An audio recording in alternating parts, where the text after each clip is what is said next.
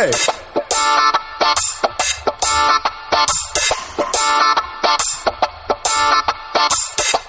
Rang, tarita, dang, dang. No one can stop. Hola, molt bon dia, tarda o nit. Com sempre diem, aquest és un programa que podeu escoltar a qualsevol hora. Així que bon dia, tarda o nit. Benvinguts i benvingudes a la quarta emissió del programa de Veus de l'Hospitalet. De fet, quart programa i penúltim programa. Sí, ja ha començat la primavera i el curs comença a acabar, així que aquest espai que estem compartint amb vosaltres està arribant al final de la seva temporada. Quina pena. Encara no sabem segur si el proper curs uns altres consellers seguiran aquest espai, però del que sí estem segurs és que això és Veus de l'Hospitalet, el programa on els consellers i conselleres joves de, de l'Hospitalet diem la nostra. Cada any els consellers i conselleres rebem un encàrrec per part de l'alcaldia i aquest any hem rebut l'encàrrec de fer un programa de ràdio. Jo sóc en Sofian i m'acompanya a l'estudi Laia. Comencem el sumari del dia. T'has oblidat del meu nom, Sofia? Ah, com et deies? Això? Ah, primerament farem un repàs de l'actualitat de la ciutat de, sec de la secció de notícies. Després, en el tema del, del dia, tractarem un nou concepte que cada vegada sentim més, la gordofòbia. I per remuntar la penúltima edició del programa de Veus de l'Hospitalet, farem l'entrevista del dia. Doncs, un cop repassat tot el menú del dia, eh, només queda dir que... Comencem. Comencem.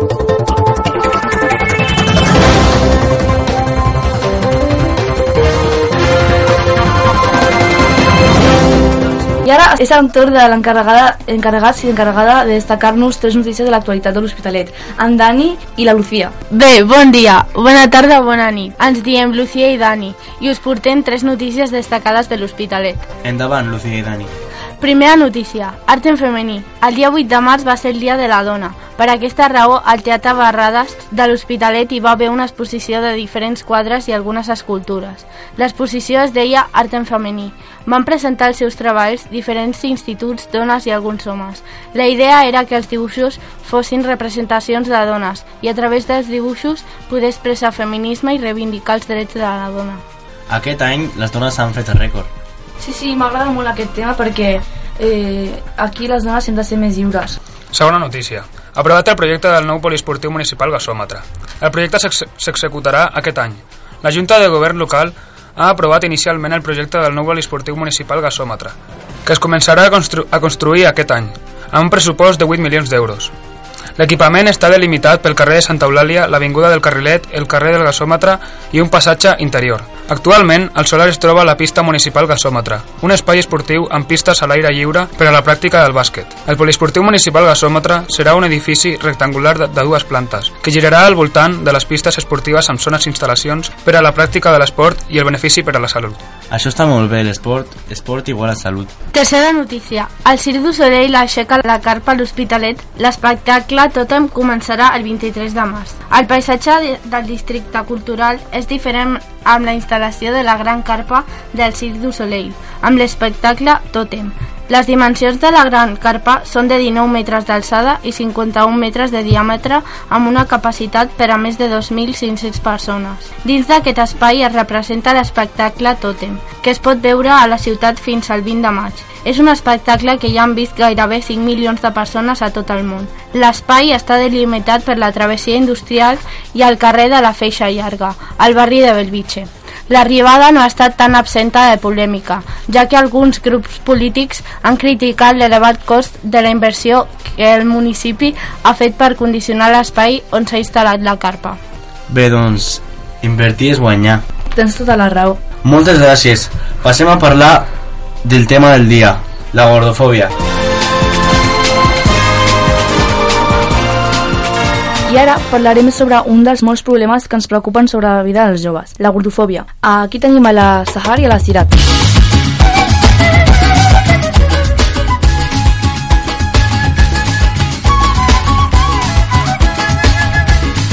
Digue'm, Sahar, què és la, què és la gordofòbia? Hola, molt bones. La gordofòbia es defineix com un sentiment de repulsió, accentuat molestar contra les persones considerades grasses, fora dels patrons estètics.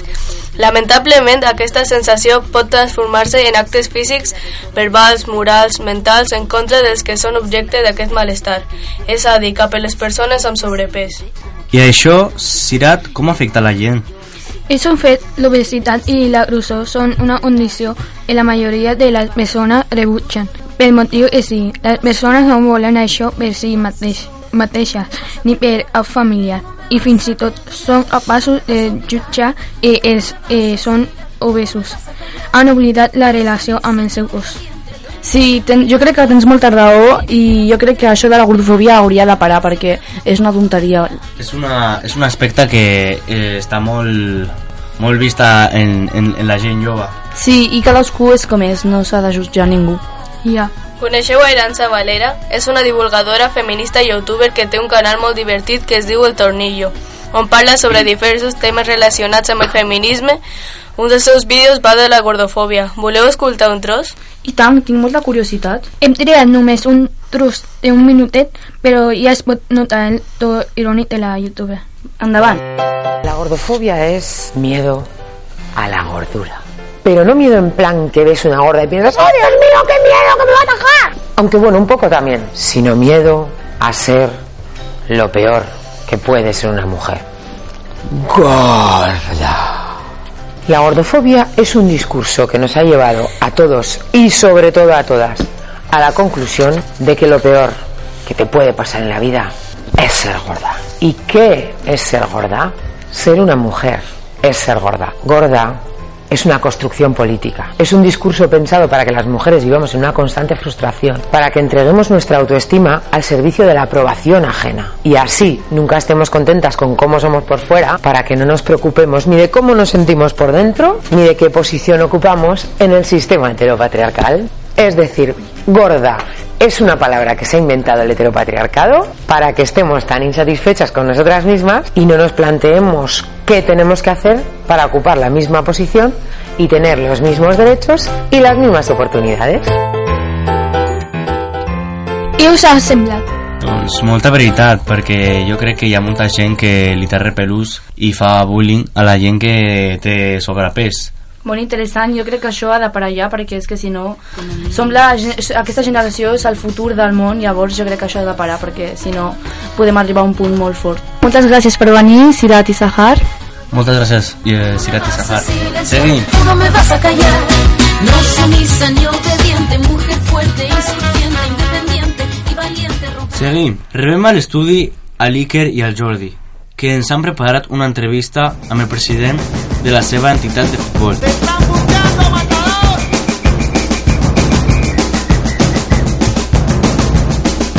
Benvinguts. Expliqueu-nos una miqueta com ha anat, on heu fet l'entrevista i tot plegat. Hola, jo em dic Jordi i hem anat al camp del canvi de led a parlar del president que es diu Javier Maestre es diu. Escoltem l'entrevista. Avui ens hem traslladat fins a la seu del Club Esportiu Canvi de Let en el barri de Canvi de Let per parlar amb el seu president, el senyor Javier Maestre. La primera que, pregunta que volem fer-te d'avui és quina dificultat tens en organitzar tots els partits del teu club? Hola, eh, doncs, bueno, la dificultat que tenim nosaltres per organitzar els partits és cada setmana els horaris que ens trobem. Tenim equips que juguen fora, equips que juguen a casa i tenim que organitzar cada setmana perquè quadrin tots els horaris i, i no quedi cap eh, hueco lliure i, i tots els equips juguin a una hora que, que no coincideixi amb, amb la d'altres equips. Com funciona? I si és difícil, per què segueixes fer-ho? Bueno, aquí tenim organitzat que els coordinadors duen a terme aquest, aquesta tasca. Llavors, entre, entre ells es, es posen en contacte i, i parlen per veure quins horaris eh, hi ha problemàtics i, i es posen d'acord per, per dir quin, quin equip juga a, a cada horari. Qui- Quina és la teva passió? La meva passió és ajudar els altres. Mm, jo porto 15 anys al club i bueno, a mi em va, eh, em va cridar l'atenció eh, la col·laboració que hi havia al club i és una cosa que, que s'ha anat eh, transmitint a, en els entrenadors que, que hi som aquí a l'entitat i a mi el que més m'agrada d'aquesta professió, que podem, podem dir-ho, és col·laborar amb els altres, ajudar de manera altruista. Ho recomanaries a la gent? Eh, depèn, depèn de quina persona. Eh, sí que hi ha persones que, que li, li agrada ajudar a la resta de la gent però en canvi hi ha unes altres que, que, li, que li, li agrada és competir amb, amb les altres persones Llavors, jo a, la, a les persones que, que vulguin ajudar sense cap tipus de mena de recompensa sí que li recomano eh, que, que col·labori que, que faci aquest tipus de- d'activitat Quins valors inculques al teu club? doncs nosaltres eh, tenim com a objectiu transmetre tres valors. Un és l'esforç, un altre és el respecte i un altre la solidaritat. Són valors similars, que estan molt relacionats entre ells, però creiem que són els valors més bàsics per donar peu a que uns altres valors apareguin. Quin és el teu principal objectiu?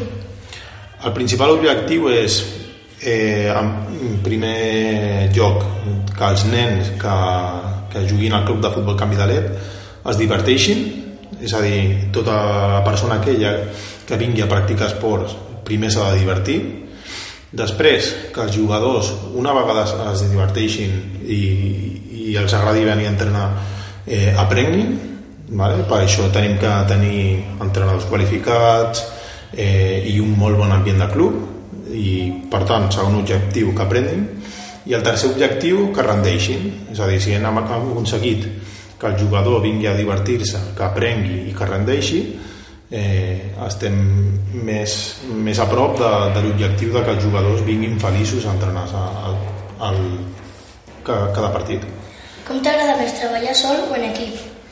en equip, en equip, sens, sens dubte. És, és molt reconfortable la sensació de, de venir aquí cada dia al club, veure que tens que posar d'acord amb dues o tres persones, encara, hi ha, en, encara que hi hagi moments que són de discussió més profunda, d'arribar a posar-se d'acord amb l'altre, eh, és molt reconfortable la sensació de quan el treball surt, quan es veuen que els objectius del club eh, se'ls van assolint i, i veure com es aconsegueixen coses al club. Fins aquí l'entrevista d'avui. Abans de retornar la connexió amb l'estudi de Torre Barrina, volem donar-te les gràcies per haver escoltat i resport amb tanta amabilitat les nostres preguntes. Fins una altra.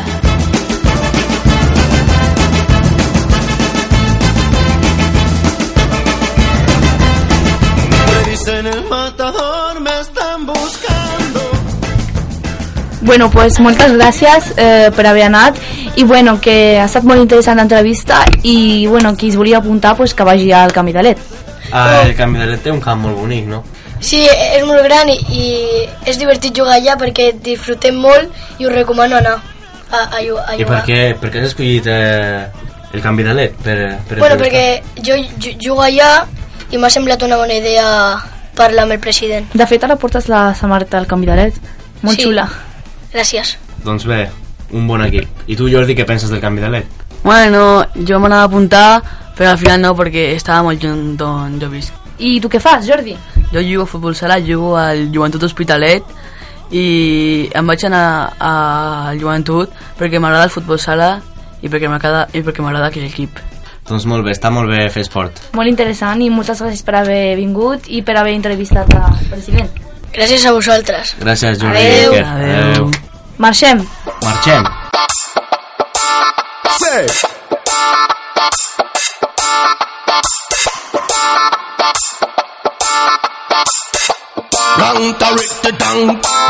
Ja hem esgotat el temps del quart programa. Moltes gràcies a tots i totes les persones que han participat i aquelles que han estat a l'altra banda del vidre i que no han parlat. Ens ho hem passat molt bé i esperem fer un programa al mes, així que una abraçada i fins a la propera. Ja ho sabeu, cada mes teniu una cita amb el Consell de Nois i Noies de l'Hospitalet, aquí, a Veus de l'Hospitalet. Marxem. Abraçades a tots i totes. Adeu. Adeu.